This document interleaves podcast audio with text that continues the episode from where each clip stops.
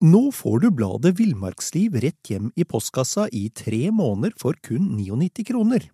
I Villmarksliv kan du lese om norsk natur, ærlige tester av klær og utstyr, og mange gode turtips skrevet av erfarne friluftsfolk, fiskere og jegere. Send SMS VILL36 til 2205 og motta bladet allerede neste uke. Lev livet villere med bladet Villmarksliv. Millions of people have lost weight with personalized plans from Noom, like Evan, who can't stand salads and still lost 50 pounds. Salads, generally, for most people, are the easy button, right? For me, that wasn't an option. I never really was a salad guy. That's just not who I am. But Noom worked for me. Get your personalized plan today at Noom.com. Real Noom user compensated to provide their story. In four weeks, the typical Noom user can expect to lose one to two pounds per week. Individual results may vary.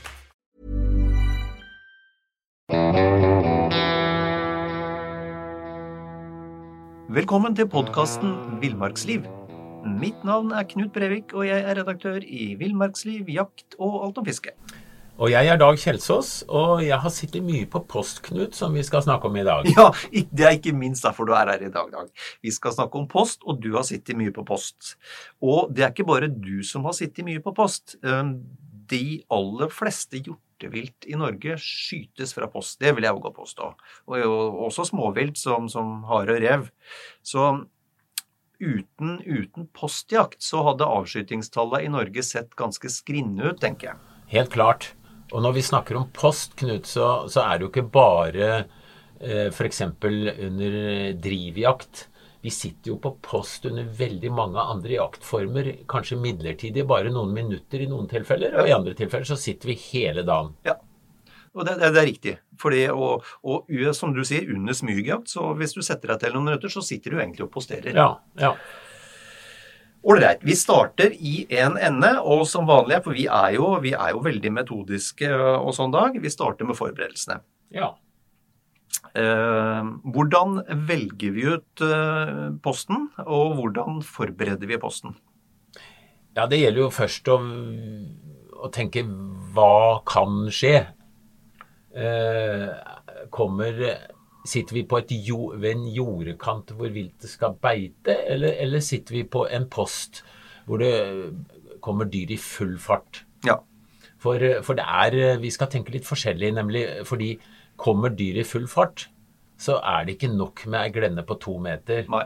Hvis vi sitter ved et jorde hvor dyr går og beiter, eller, eller hvor de kommer sakte gjennom skogen, så kan vi tenke litt annerledes med at det er en del uh, trær her, men dyra stopper, og det er veldig lett å få dem til å stoppe eventuelt, for de er ikke skremt. Så da, da kan du tenke litt annerledes. Men, men, eh, den posten som veldig mange sitter på, da, det er posten hvor dyr kommer i litt stor bevegelse fordi det er skremt av hund eller drivere eller andre jegere. Mm, mm.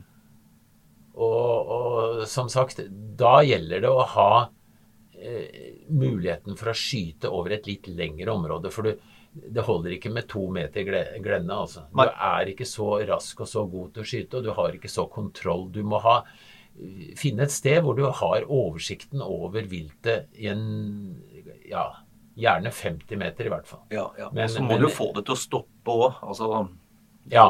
Så, så det, det, det, er veldig forskjellige typer poster. Mm, mm. Det, det jeg syns er viktig ved en post, det er eh, nesten uansett, og spesielt for poster hvor du skal sitte litt tid, det er at det er behagelig å sitte der. Sånn at du ikke allerede etter ti minutter begynner å flytte og vrikke og vri på deg fordi du sitter ubehagelig. Ja, vi har jo begge sittet på elgpost og venta på at losen skal komme mot oss, f.eks. Hele dagen. Ja, og hvis du sitter vondt etter fem minutter, da kommer du til å ha en fæl dag. Mm -hmm. Så jeg bruker, jeg bruker, å forberede meg med å ha med meg noe greit å sitte på. Det kan være ei sitteplate eller, eller klær, myke klær eller hva som helst. men og noen ganger så sitter jeg rett og slett under ei gran hvor det er mye barnåler, og så feier jeg sammen masse barnåler og lager meg en god stol. Og jeg syns det er viktig også å ha ryggstø. Ja, helt enig. Helt enig. Eh, så skal beina også ha en plassering som er behagelig. Så eh, prøv posten, prøv sittestillingen. Finn ut dette her så fremt du har tid til det, i hvert fall. Ja. Og jobb litt på posten. Forsiktig så du ikke skremmer vilt hvis det er vilt i nærheten, da. Men i alle fall prøv å finne en veldig god sittestilling. For eh, som vi sier, du kan bli sittende lenge. Ja, ja. Og når du har funnet den sittestillingen, når du har funnet posten da, først og fremst, og funnet sittestillingen, så syns jeg det er viktig å, å ha med seg børsa og tenke seg ulike scenarioer, som det heter så pent, eller ulike situasjoner for hvor dyra kommer, og så vil du raskt se om du har skytefelt der. Ja, Da begynner du å rydde. Du, du må eh, Altså, det er egentlig feil å rydde poster når du kommer på post, men uansett om vi veit det, Knut, så må vi av og til gjøre det. Kan gjøres, kan gjøres på forhånd, absolutt, men av og til så må du improvisere, enten du er i fjellet eller i skogen, og da må du rydde litt der og da. Og da har jeg i hvert fall med meg en kniv. Ja. Og da går du ikke rundt og hakker med kniven som ei øks. Da drar du det er, det er ofte sånne tynne rognepinner og forskjellig småbjørk eller hva det er. er. Og da drar jeg nedenifra opp, for det bråker minst ofte. eller- Og i hvert fall ikke knekker. Nei. Gjør det stille.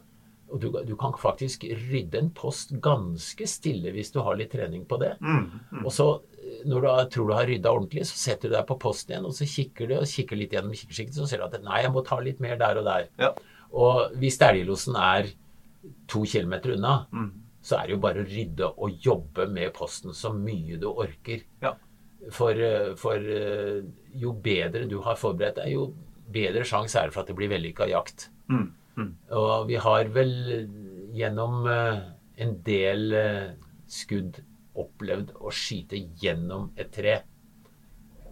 Og det er, det er ikke noe ålreit. Hvis du f.eks. følger et vilt som går veldig sakte, og, og så tenker du så fælt på viltet at du legger ikke merke til at det plutselig så er det et tynt tre i nærheten eh, mellom deg og viltet. Ja. Det skulle du ha hogget ned på forhånd. Nå, nå skal vi ikke ødelegge for skogeieren, da, men Nei, nei. vi snakker om moderate hogster her. Ja, absolutt moderate hogster. Ja, Ja. Det er et veldig greit uttrykk. Nei, eh, nei, ja, nei, men det er jeg helt enig i dag. Um, det, det jeg liker å gjøre, enten det er på, på hjortejakt eller elgjakt eller i og for seg rådyrjakt, eh, og du er ute og forbereder posten eh, tidlig før sesongen, så er det å, å måle opp noe, å ha en avstandsmåler og måle opp noen avstander. Fordi, og spesielt på fjellet, er det veldig fort å bli, bli lurt. altså. Du har ikke noen referansepunkter imellom. Um, og, og, og plutselig så er du ute på ganske lange, lange hold. Um, samme kan være når man driver på, på, med bøjakt.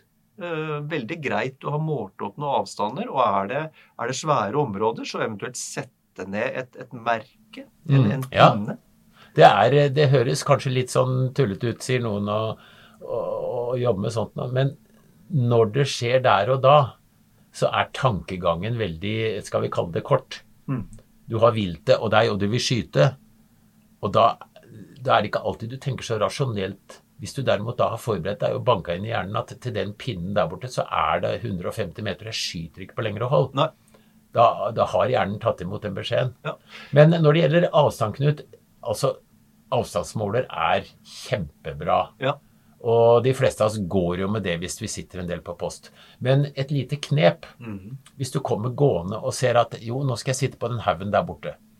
Da starter du f.eks. med ei stor markert furu og skritter opp når du går dit. Ja. Si det er 100, meter, 100 skritt, da, så er du der. Da veit du at til den furua er det 100 meter. Og da kan du på en måte overføre det til andre hold fra, som du ser fra samme post. Ja, sant. sant. Jeg har, jeg har en, eh, lagt meg til en rutine jeg er på post. Og det er at jeg bestemmer meg for hva som er mitt skytbare område. Ja. Jeg bestemmer meg for at innenfor dette området her Så jeg, jeg, jeg bestemmer meg ikke for å skyte på forhånd, men innenfor dette området her, det er innafor der jeg føler meg komfortabel for Ja. eh, med, med å skyte. Eh, Og hvis da jeg får en mulighet, så, så, så skyter jeg. Men altså, jeg, jeg definerer på forhånd så langt ut til den sida, så langt ut til den sida. Der. Denne sektoren kan jeg skyte. Ja, og det er Samme gjør jeg. Og, og da er det bare å si til hjernen at det hjelper ikke om det kommer en 25-dagers elg eller hva eh, som helst. Du skal ikke skyte på lengre hold. Det er Ferdig med det. absolutt. Ja. Helt absolutt. Ja. Uh, altså Der er vi jo forskjellige. Men jeg, det syns jeg har gjort, uh, gjort det enklere å ta valg i forhold til å skyte og ikke skyte under jakt. Mm. Jeg bestemmer meg for en absolutt sektor, og så er- kommer viltet utafor den. Ja, men så lar jeg være. Ja. Ålreit. Um, ja, jo, en ting som også er veldig greit, og det uh, Og spesielt på, på bøjakt og, og jakt i områder hvor det er uh, andre jaktlag, og også hvis du er på en jakt med mye jegere, det er å vite nøyaktig hvor naboposten er. Ja, det er jo egentlig punkt én under all jakt, selvfølgelig. Du skal vite hvor det går en vei, hvor det er hus og hvor det er folk. Ja. Og du skal bestemme deg for at til høyre for den furua der skal jeg ikke skyte, for da er vinkelen for dårlig. Ja. Så, eh, og det banker vi også inn i huet. Altså Det skal hjernen bare ha klarsignal om at eh, det er greit til venstre for den furua, men til høyre for den så er det ikke lov å skyte. Og da jeg har, altså det, Nå snakker jeg om småviltjakt, men jeg har faktisk noen ganger, fordi du svinger hagla noen ganger ganske fort, Ja. så har jeg satt opp en stoppinne, så jeg butter i den hvis det er fare for å komme inn mot et område hvor det ikke bør skytes. Mm, Og du kan godt sette opp en pinne også på en elgpost Ja. med en markering på toppen. Er dyret til høyre for den, så skal jeg ikke skyte, for det går det faktisk en skogsbilvei nedi bushen på nedsida der. Ja. Og det er et godt poeng, og det har jeg opplevd. Nå er det ikke mye sånne store jakter jeg har vært på, men, men eh, ved et par anledninger så har jeg vært på jakter som har involvert 20-25 mennesker. Og da har de satt opp den type stoppinner som du snakker om. Ja. Altså Bare for å markere nøyaktig akkurat i den sektoren her kan du skyte. Du har ikke lov å skyte noe annet sted. Og hvis du kommer i La meg nå si du er på gjest, du er gjestejeger et sted. Mm. Så får du beskjed om å skyte på den posten der. Så ser du at det her er jo livsfarlig, for det sitter faktisk en jeger der borte, og viltet kommer nesten i den retningen. Ja. Og jeg husker et tilfelle, det var riktignok i utlandet, men da satt vi to stykker langs en vei.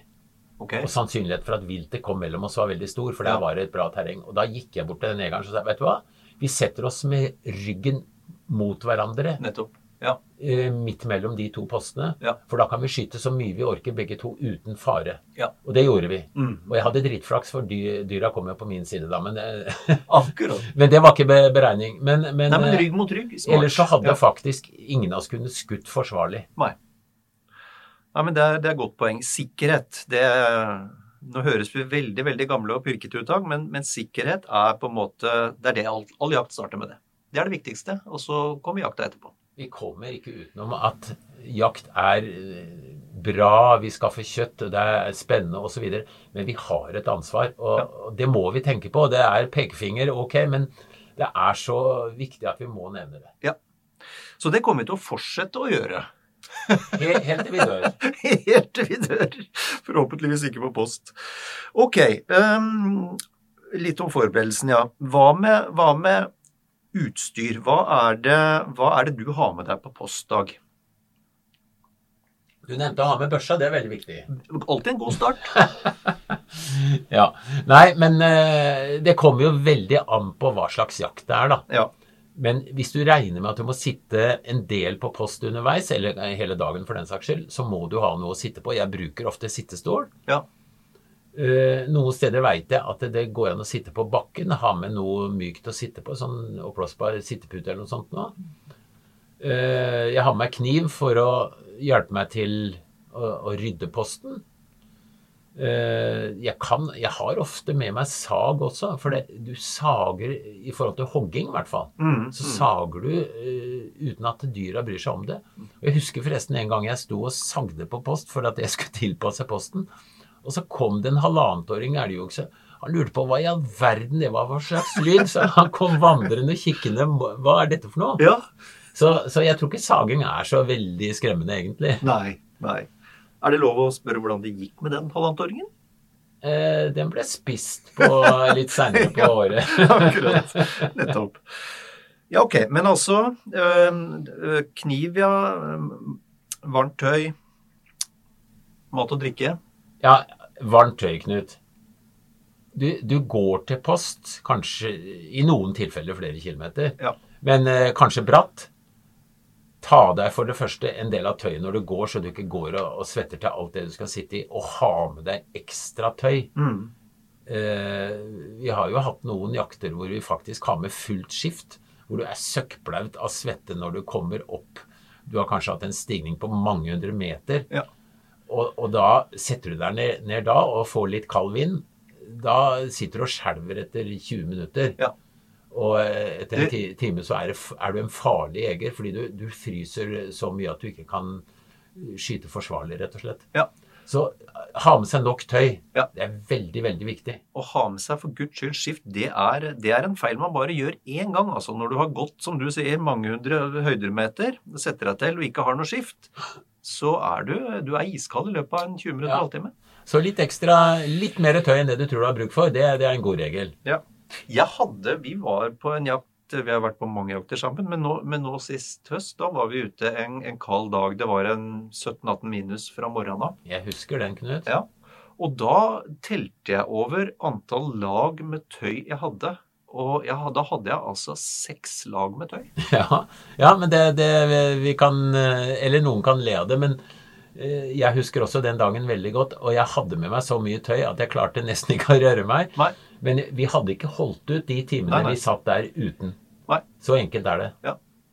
Og da er, det, da er det også viktig når, du, når det er så kaldt og du skal sitte hele dagen, hele dagen på en vindutsatt post, så, så tenker jeg det er viktig at du, du har noe isolerende under beina. Om du, om du skjærer av noen einer eller eh, et, et eller annet, så du får isolert under støvla.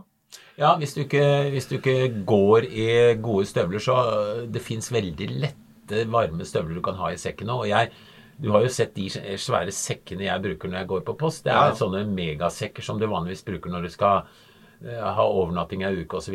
Mm, For det, okay, det veier kanskje noen kilo mer enn det folk syns er ålreit å gå med, men du har så til de grader nytte av det når du kommer fram. Og da kan du ha, gå i lette støvler og heller ha med deg gode isolerende støvler, og ikke minst også sokker, fordi du blir blaut i sokka, og alt som er vått, det vet du, det blir eh, leder varme, og du blir kaldere. Ja.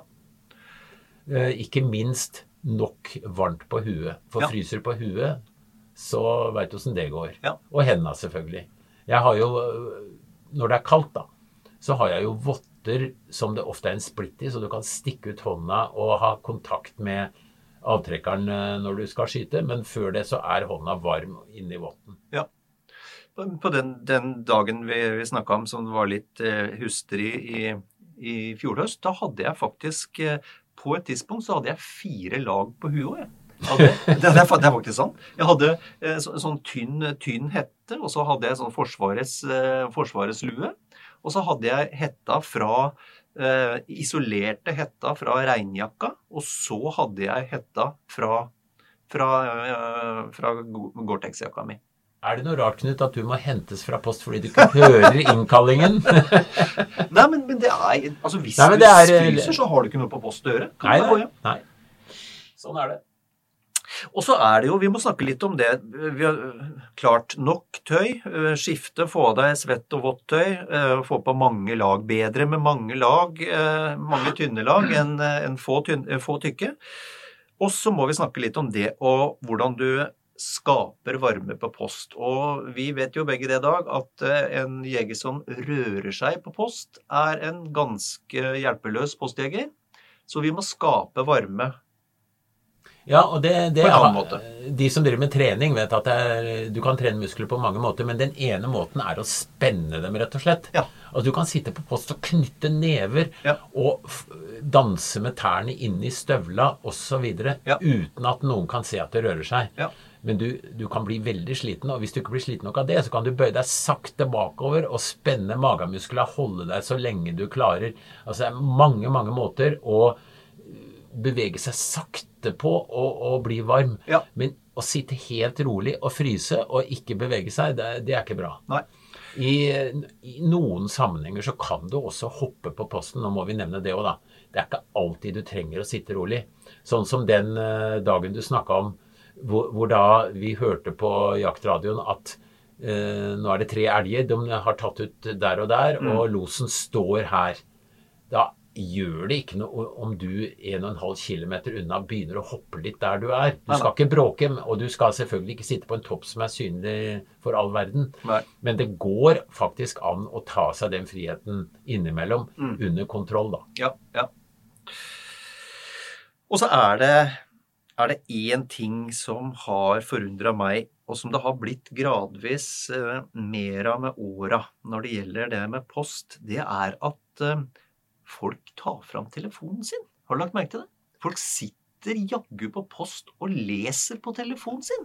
Du, jeg opplevde en gang at det var en elg som passerte på godt skuddhold for en person som var så opptatt med å sende SMS Ja. at han ikke eh, skjønte det. Og han påstod at det ikke hadde passert noe elg, men når du ser spora, så er- nytter det liksom ikke å bortforklare. Nei.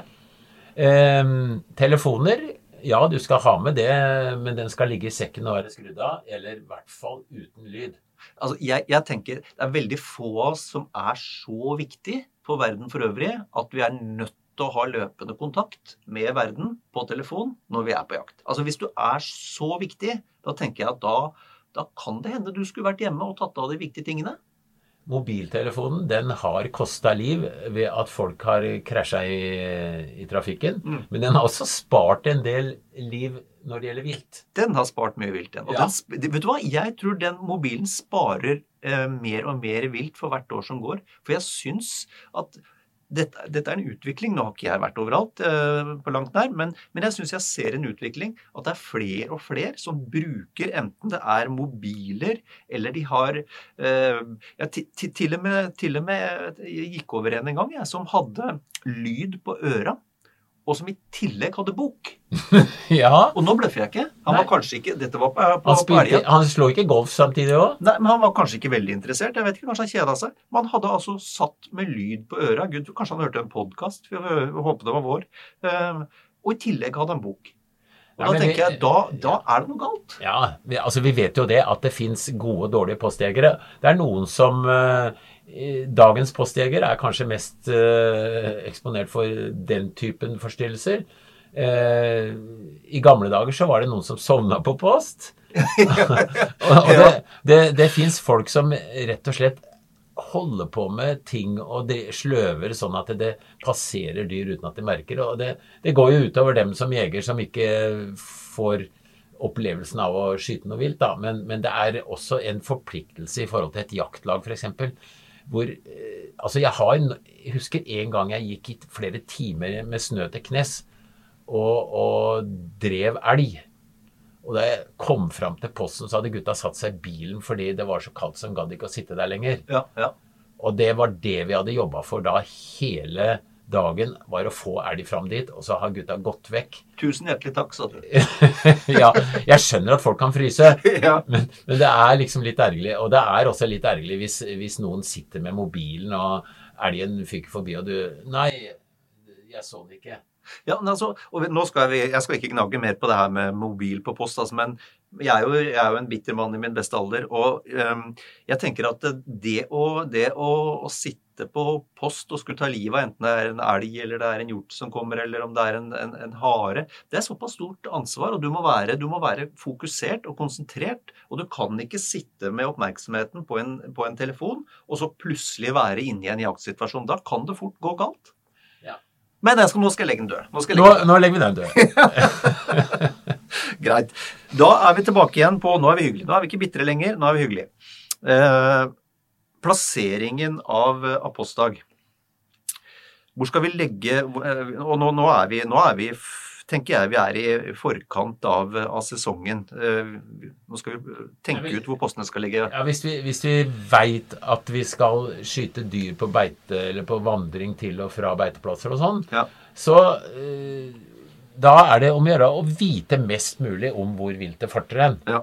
Uh, finne den rette stien hvor det er mest trafikk og, av dyr, altså. Mm. Uh, eller der det, det kan være et jorde ute i skauen hvor dyra ofte går og beiter. Mm. Uh, er det på drivjakt, så vil det ofte på forhånd være bestemt hvor drevene går, fordi det er etablerte poster. Men kanskje har den posten grodd igjen etter 20 år, sånn at den er faktisk ikke aktuell å bruke mer. Eller vi må hogge litt. Altså Det er veldig mange forskjellige poster som vi har nevnt. Men i alle fall, Det er nyttig å være mest mulig kjent i området. Vite hvor dyra har sine reksler. Mm, mm, mm. Eh, og, og posten skal ikke sitte midt i dyrestien. Det er et godt Jeg eh, opplevde det én gang. Jeg trodde jeg var veldig smart. Satte meg på en trang post midt i en, et dyretråkk. Og fikk elg rett på meg. Og ikke sjans til å få skyte. Det eneste jeg holdt på å bli løpt ned. Ja, ja. Altså, det er jo sideskudd vi skal skyte på når vi snakker om storvilt. Ikke sant? Og, og det, vi får ikke sideskudd når det kommer rett mot deg. Så enkelt er det. Ja. Eh, en passe Du kan ofte ha litt kortere avstand enn eh, på, på eh, drivjakt f.eks. enn du har hvis du skal skyte på et jorde. Mm. Fordi dyr som går og beiter på et jorde eller ved en elvekant eller hvor det nå er, eh, de er veldig rolige, og du kan forberede deg godt. Mm. Eh, En eh, elg eller hjort eller rådyr som kommer ikke løpende nødvendigvis, men iallfall litt fort, Mm. Da er det mye vanskeligere å få et godt skudd. Du skyter når han stopper, men han stopper kortere osv. Og, Mm. og da er det mye greiere å ha litt kort hold. Og hvis du har riktig vind, så gjør ikke det noe om du sitter forholdsvis nær dyret, for dyret er ikke det veit ikke at du sitter der, det veit at noe er bak Ja. og jager det, Ja. og vil ikke så lett kikke på deg som eh, å snu seg og se bakover. Nei, det er riktig. Det er riktig. Du Mens- har, du, I prinsippet så har du dyr som kommer, som har oppmerksomheten retta bakover. Ja. Mens en, eh, en elg som går og beiter nøkkeroser ved et tjern, vil stikke opp huet og være oppmerksom i alle retninger når, når den kikker. Ja. Ja. Så, så det er litt forskjell. Men i hvert fall øh, finne en plass hvor det er oversikt, hvor det ikke er kratt, sikker bakgrunn. Ja. Det er en del sånne elementære ting, kan du si, som, som du bør se etter når du skal lage deg en post. Jeg har, jeg har sett det at i, Vi har jo jakta, jakta mye i fjellet i dag. Um, at i nær, ofte er det godt bra pass, å postere i nærheten av gamle dyregraver. Ja, Det er ikke tilfeldig at de dyregravene var det, for det, det var faktisk leve eller dø, det å velge eh, riktig sted å lage dyregrav. Ja. Og dessuten, det var ikke to timers jobb å lage en dyregrav. Nei, nei. Det var eh, kanskje to uker i det verste fall. Ja. Eh, å lage i hvert fall ei rekke med dyregraver. Mm. Og, og da velger du et sted hvor du er helt sikker på at dyra trekker. Og det er ganske interessant. Eh, Når vi er på reinsjakt, Knut, så vet vi at dyra trekker på samme sted i dag som de gjorde for kanskje 1000 år siden. Fantastisk. Det er helt utrolig. Men dyr, og, og til og med dyr som kommer inn et sted hvor de ikke har vært før, de velger allikevel samme sted som det vanligvis er et uh, dyretråkk hvor dyr passerer. Så det er noe med terrenget som gjør at dyra velger akkurat der og, der. Og hvis vi kjenner til det, så har vi et S i ermet. Mm. Absolutt. For da velger vi jo en post hvor, hvor vi sitter skjult, hvor vi har sikker bakgrunn, og hvor vi får sideskudd i forhold til den stien. Og så, og så har vi med moderne teknologi, det hundepeilere og GPS-er, så, så har det jo når du, når du samler historikken fra, fra hvor bikkjene har løpt hele høsten, så får du, får du også et veldig tydelig bilde på hvor dyra trekker. Ja, ja. De digitale sporene, de eh, forteller sannheten. Så hvis du har jakta mye terreng, så, så veit du hvor dyra vanligvis eh, trekker. Mm, mm. Eh, Men, men det er en kombinasjon av, av å vite hva som eh, Kanskje hvor det var dyregraver før. eh, hvor det er stier. Og du ser jo også i terrenget hvor dyr ferdes. Mm, mm. Eh, og så er det det å, å vite hvilke press dyra får, om det er en drivkjede av, av 20 stykker som går gjennom skauen for å jage viltet til deg.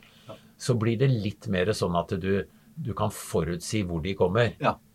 Eh, hvis de kommer på fri vandring, så er det litt mer tilfeldig. Men du velger i alle fall en post hvor du punkt én har oversikt hvis det er mulig. Mm, mm.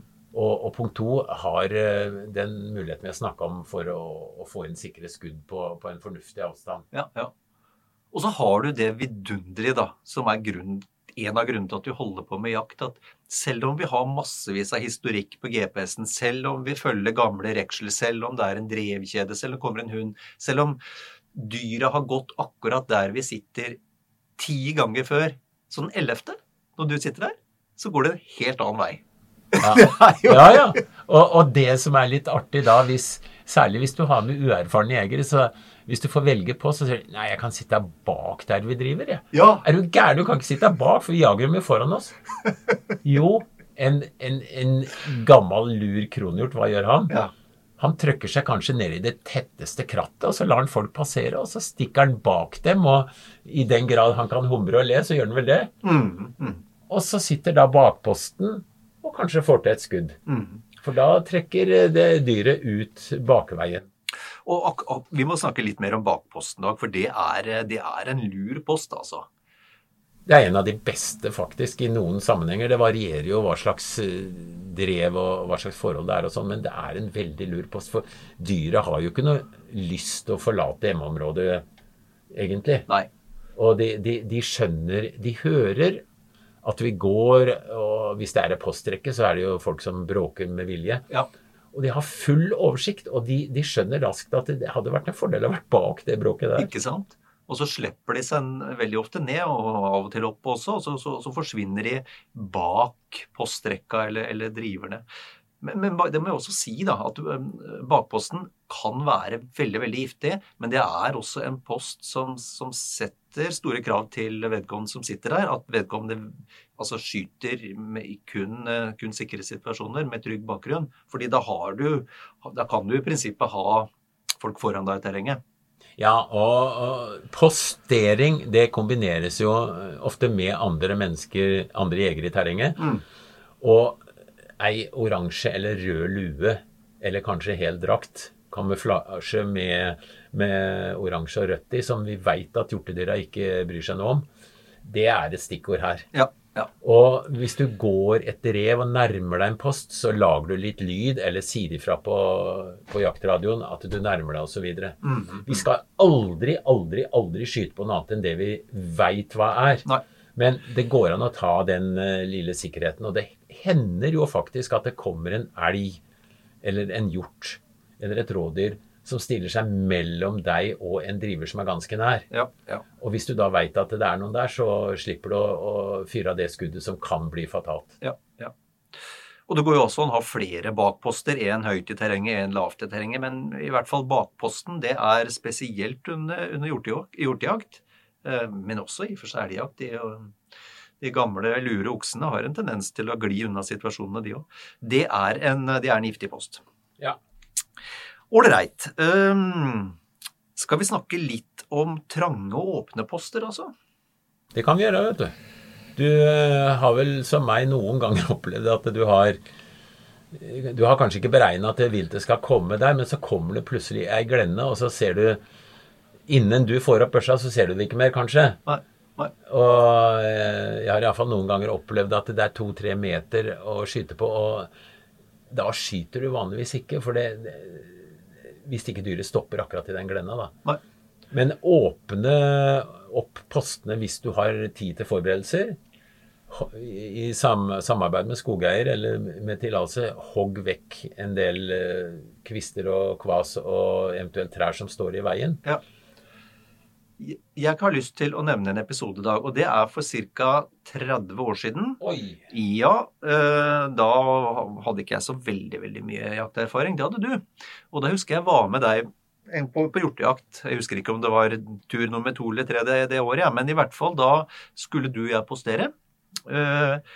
Jeg skjønte ikke så veldig mye da, så jeg eh, eh, fikk velge post eh, først, og, meg, og valgte meg en veldig, veldig åpen post i et furulandskap, hvor jeg hadde massevis av skytemuligheter i, i alle retninger, og følte at der hadde jeg trekk i vinnerloddet.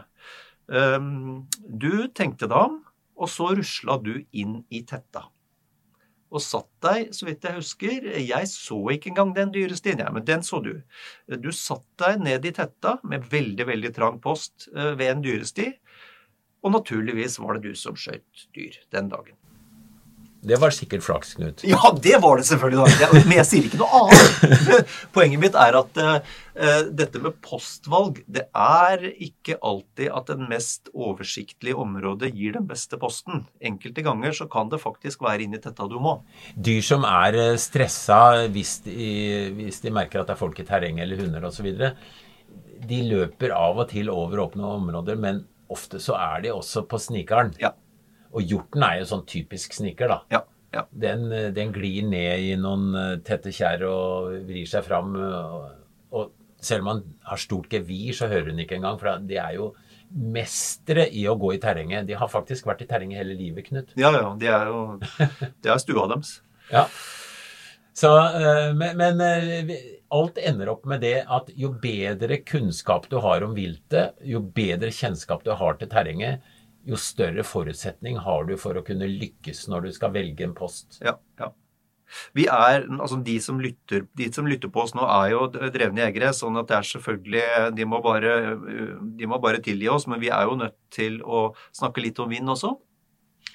Ja, vinden min beste venn og min verste fiende. Ja, det er ditt slogan. Det er Ja, fett, ja, ja.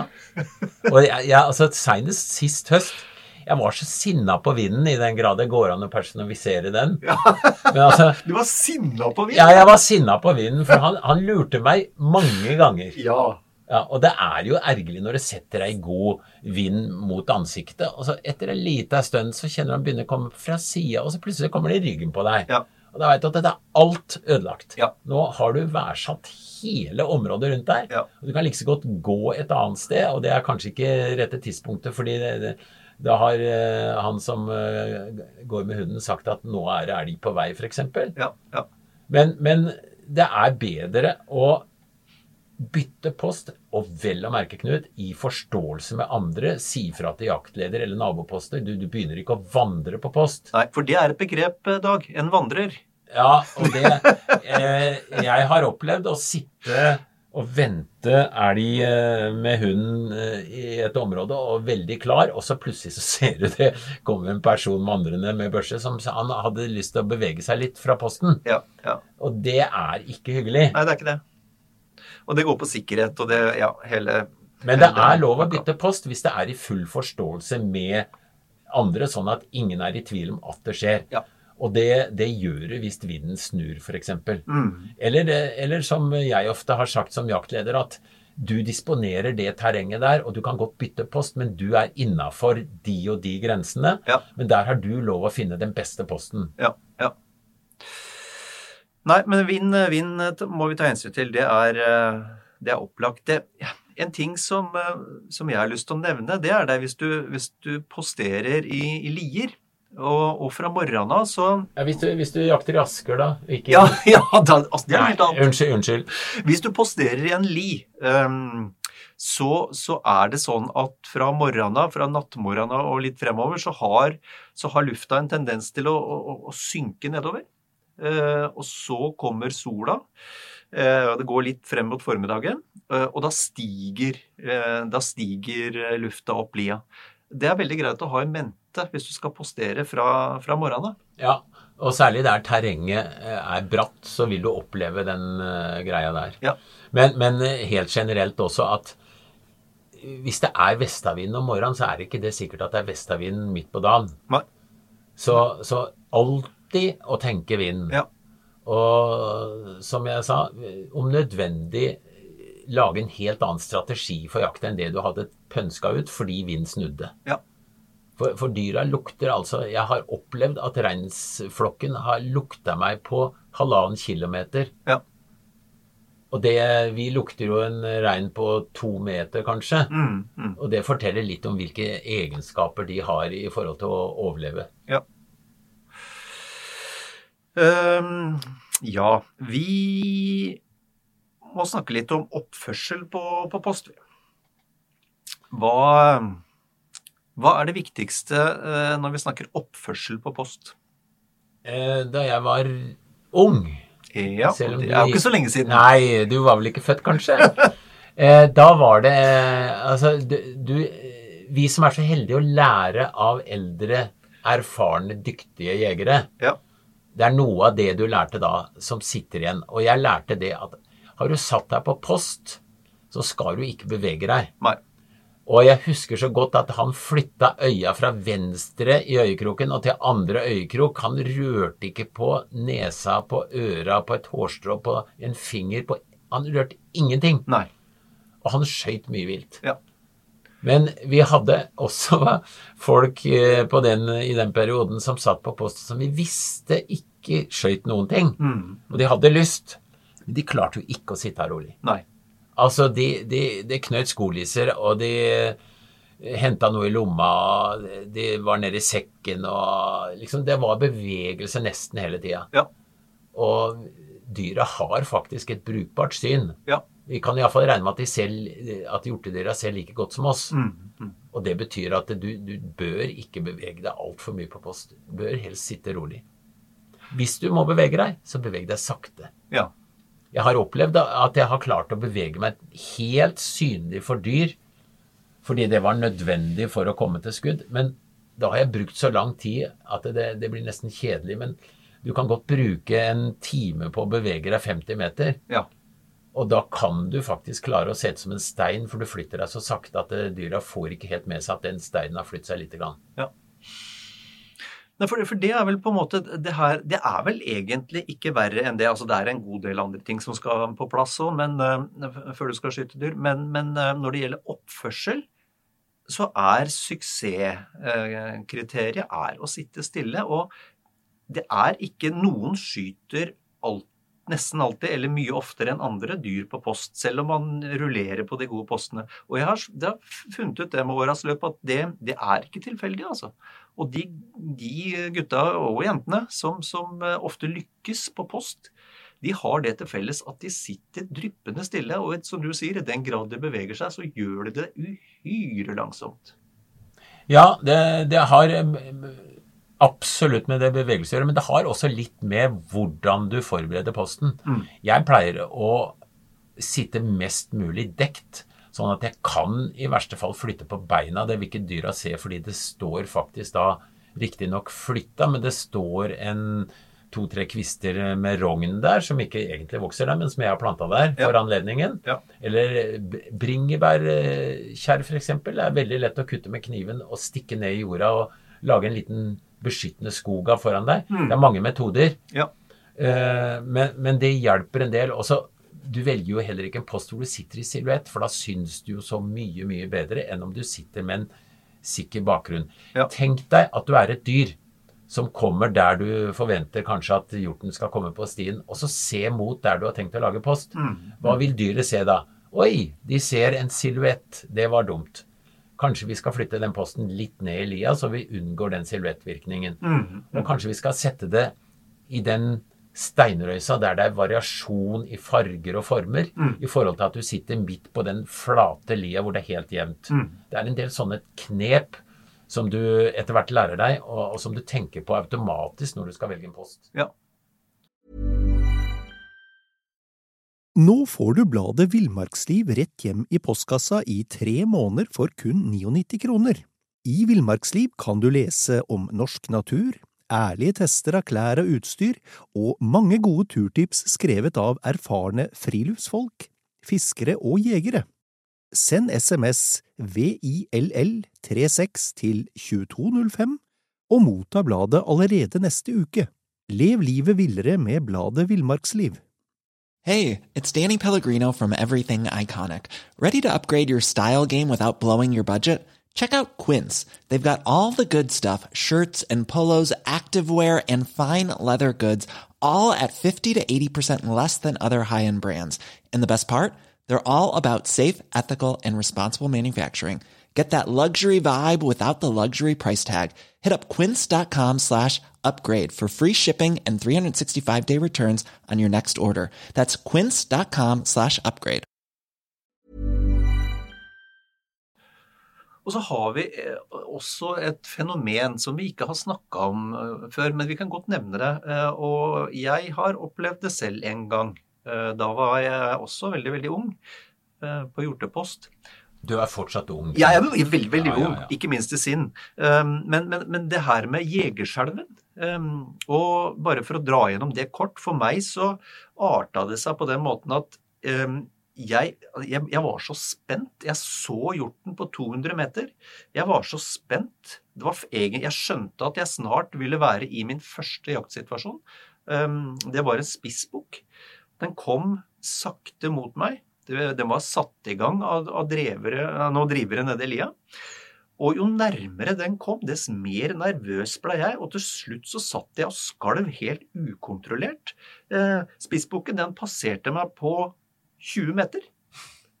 Jeg, ikke, jeg hadde, fikk ikke opp børsa. Helt, altså, men men da, da, var Ja. jeg, da var jeg veldig uerfaren. Og, Ja, nei, du, vet du hva? Eh, Bare for å gi deg litt ros. Du var veldig flink.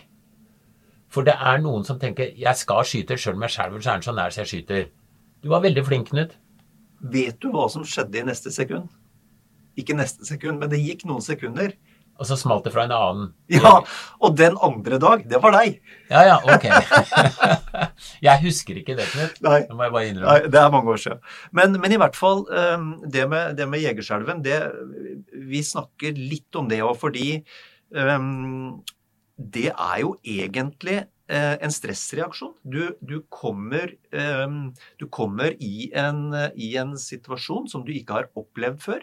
Du har en høy grad av indre spenning. Du vil så veldig gjerne lykkes. Og hvis du ikke har vært gjennom den situasjonen noen ganger før, hvis du ikke har sett f.eks. hjort eller elg eller hva det nå måtte være, da. Du, ikke, du, du har kanskje bare sett en håndfull ganger i, i skogen, så er det ikke gitt at du, eh, du mestrer det. Men vi kommer tilbake til det jeg gnager og maser på, så du er sikkert lei av å høre på det. Ja. Men det er å ha en slags kontroll i forhold til er det greit å skyte eller er det ikke. Ja. Og du fikk den følelsen den gangen, og det viste at du var mye eldre inni huet enn du trodde du var utapå, i hvert fall. Du skøyt ikke fordi du følte at jeg, jeg skjelver for mye, det er ikke forsvarlig å skyte. Og det er en god jeger. Det kan være mange forhold som gjør at du ikke skyter. Det kan være at viltet er i bevegelse, eller eh, det kan være andre forhold. Men iallfall, hjernen sier klart fra at nå er det ikke forsvarlig å skyte, da skyter jeg ikke. Nei. Og den greia der, den kommer ikke nødvendigvis første gangen, men den kommer omsider, forhåpentligvis, sånn at du har den der sperra mot å skyte. For det er noe av det mest vesentlige under jakt, at du raskt ofte tar en avgjørelse. Mm, helt enig med deg. Men, men det, det som er trøsten, da, det, det får jeg si nå 30-35 år seinere, det er at eh, det er utelukkende et spørsmål om å være i jaktsituasjoner mange nok ganger. Og ikke bare jaktsituasjoner. Um, altså hvis du, hvis du sommerstid, så kan du ta sykkelen og så kan du kjøre rundt jordene og så kan du se på elg som står i jordekanten. Og så kan du prøve å sette deg i, jakt, i et jaktmodus. Eh, vurdere dyret, se står det skjevt til nå, hvis dette var jakt, kunne jeg skutt? På en måte Du setter deg selv i en sånn jaktmodus, og jo flere dyreopplevelser du har, eh, er min erfaring, dess tryggere blir du. Og til slutt så, så får du jo knapp puls. Um, men, men det å oppleve mange dyresituasjoner, det tror jeg Og det kan du, det kan du få til også utenom jakta. Det tror jeg er løsningen. Veldig, veldig enig i det med trening og oppleve dyr og lære ting, men jeg er ikke helt enig når det gjelder den derre skjelven, for det er noen som får jaktskjelven om de så er 100 år og har jakta hele livet. Altså, det, og ja, da, da, da veit du Jeg skyter ikke hvis børsa danser rundt. Da. Nei, nei. Ålreit. Eh, skal vi se. Hvor, har, hvor langt har vi kommet? Jo, vi har, vi har kommet eh, Vi har nå funnet en post. Vi har eh, varmt tøy. Vi har eh, kjenner sikre skyteretninger. Vet hvor de andre er. Um, Dyret, dyret er på, på vei inn. Vi har snakka om at du allerede har forberedt deg mentalt på ulike måter dyret kan komme inn på. Um, da begynner vi å nærme oss en skuddsituasjon, da, Dag. Da kan det være like før det smeller, ja. Ja. Men, eh, men eh, det viktige da er, som, eh, som vi indirekte har sagt, det må ikke smelle. Nei, det må ikke det. Nei. Det må ikke det. Det, det hender faktisk at dyr passerer uten at det smeller. Ja, og det er helt fair. Sånn er jakta. Men, men jo bedre forberedt, som sagt, jo større sjanse for at det smeller. Mm. Og du er så glad hvis du har tenkt på disse forberedelsene og ikke opplever at Du, jeg fryser så fælt på fingeren, så jeg kjenner ikke avtrekkeren. Mm. Og det har jeg opplevd enkelte ganger. Ja. Og det er ikke noe morsomt. Så, så du, du vil få så innmari lønn for disse forberedelsene i forhold til å gjøre posten klar og gjøre deg klar og ikke fryse og alt det der. Det, Gi trygghet. For det, det, vi, det vi snakker om, er at du tenker nesten et år på det som skal skje. Og så er det skyteforberedelser. Du trener på banen. Du, du simulerer kanskje forskjellige avstander og hvordan er det å, å skyte hvis det kommer fort og sakte. Du prøver litt på løpende elg og finner ut at nei, jeg bør ikke skyte på lenger enn 20 meter hvis det er bevegelse på dyret, for det, det mestrer jeg ikke. Og så alt dette her, her samler seg mot et crescendo Ja. som eh, kvelden før i jaktbua, du prater om hvem har den posten og hva skjer. Og så går du ut i terrenget, og til slutt så sitter du på posten. Og så kan det kjennes guffent ut å vente en time, kanskje. Og så i løpet av tre sekunder så må du ta de viktige avgjørelsene Ja. som du da har bygd opp til gjennom, som sagt, nesten et helt år. Og det er da det er så innmari herlig å konstatere at du har faktisk gjort noe riktig på forhånd. Ja. Og nå gjør jeg nesten uten å tenke, fordi det er blitt automatikk i det, fordi hjernen er innstilt på det. Jeg gjør det riktig, jeg får dyret fra sida. Jeg plystrer litt eller lager en lyd, Ja. så dyret stopper opp. Og jeg skyter, og det går bra. Ja. Det er en uh, tilfredsstillelse og ja, du kan si at det er spenning, og det er kjøttverdi. Ja. Det er samvær med de andre som kommer på posten og gratulerer deg med et godt skudd. Det er en herlig opplevelse for oss som har den veidemannen helt innerst i ryggmargen. Opplagt. Men vi må snakke litt mer om uh, det her med For det, det, dette gjelder grad av beredskap. Når, når dyret endelig kommer, du har gjort forbered... Alt, er- alt er på stell. Men når dyret kommer, så, så, så gjelder det grad av beredskap. Og, og da, som vi, vi helt sikkert har snakka om før, så, så hjelper det ikke å sitte halvengasjert med børsa i fanget. Altså ha, være så nært være så nært kinnet som mulig, holdt jeg på å si, med børsa. Du, du, du, jeg, du kan ikke sitte med børsa klar hele tida, jeg er klar over det, men altså være klar, da. Sånn at bevegelsen blir så liten som mulig. Du kan jo nesten sitte med børsa klar, fordi hvis jeg sitter på en post, og viltet kan komme teoretisk på tre plasser, da, Ja. så legger jeg opp til at det kommer på den mest sannsynlige plassen. Ofte er det den som er i midten i forhold til bevegelse, da. Ja.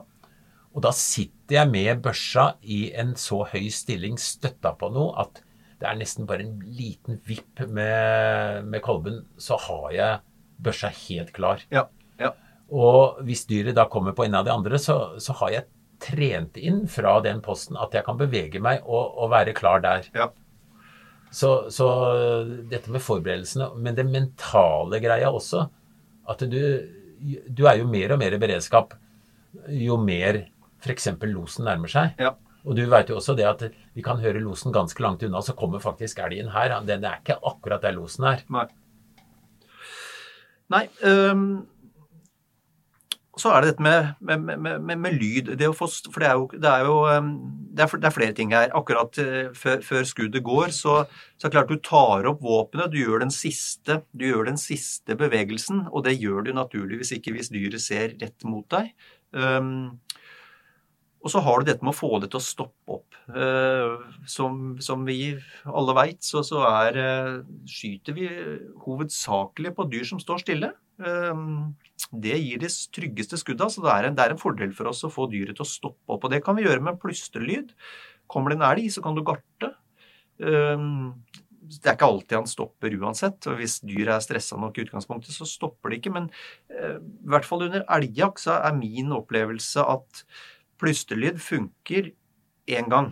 Du, du stopper ikke nær de flere ganger ved å plystre, men, men du kan stoppe det flere ganger hvis det ikke er altfor stressa ved å garte på det. Ja, hvis jeg skal ta den lyden som du ofte kan Pratelyden til elgen, da. Ja. Ah! Ah! Ah! Eller hvis det er en okse, så kan du garte mer. Det er mer sånn Wah! Eh, Det er en ganske trygg lyd, for det er naturlig lyd i skauen. Og hvis du er noenlunde grei til å, å lage lyder, så får du til du, du tenker oa, og så sier du oa litt fort Ja. og litt høyt, Ja. så har du den lyden. Klemmer over nesa i tillegg, så sitter den der. Ja. Uh, det er ikke alltid elgen stopper på den. Uh, du, du, den stopper nok oftere på lyd han ikke er så vant til, men som ikke er skremmende. Men det er, altså det er veldig forskjell på dyr, hvordan de reagerer osv. òg. Men i alle fall, å gi en lyd kan være lurt. Ja. Og en ting til som jeg lærte av en uh, flink rådyrjeger.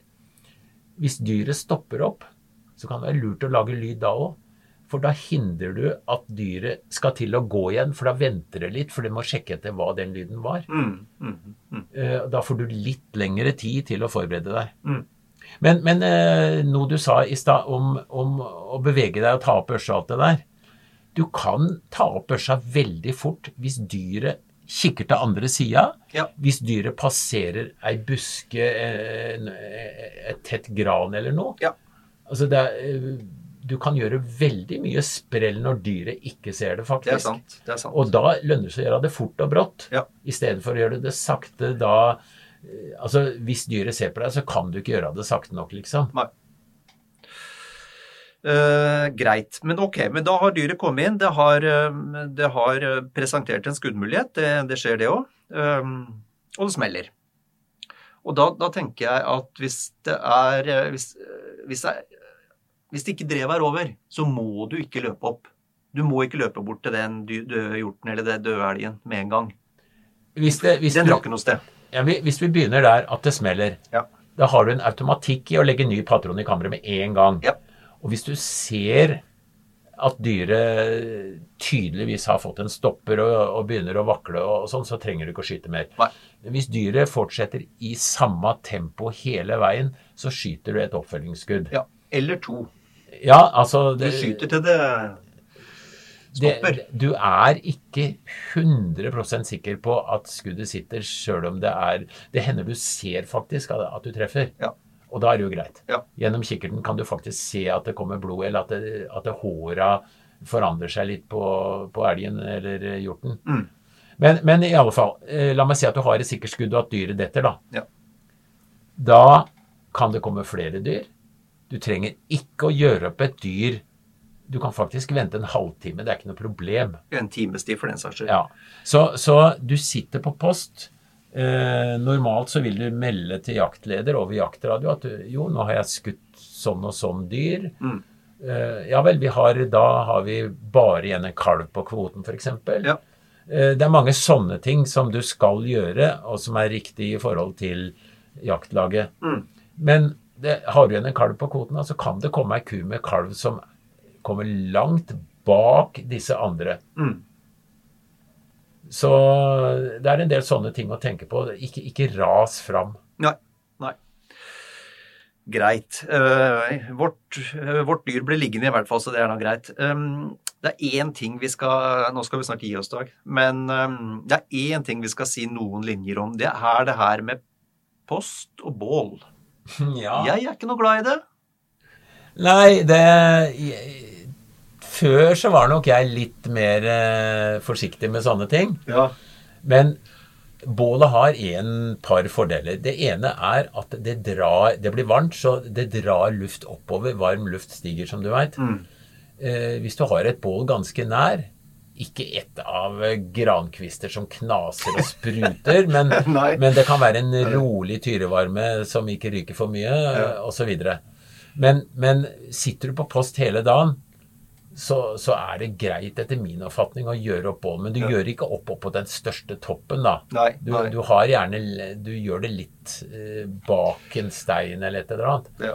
Men jeg mener at det er ikke all verdens problemer med å lage bål. Og dyra har sett røyk i form av tåke osv. før. Mm.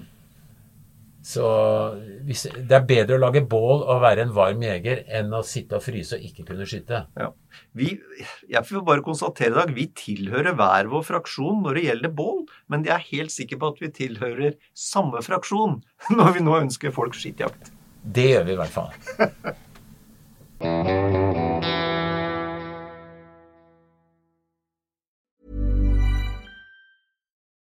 Nå får du bladet Villmarksliv rett hjem i postkassa i tre måneder for kun 99 kroner. I Villmarksliv kan du lese om norsk natur, ærlige tester av klær og utstyr, og mange gode turtips skrevet av erfarne friluftsfolk, fiskere og jegere. Send SMS VILL36 til 2205 og motta bladet allerede neste uke. Lev livet villere med bladet Villmarksliv.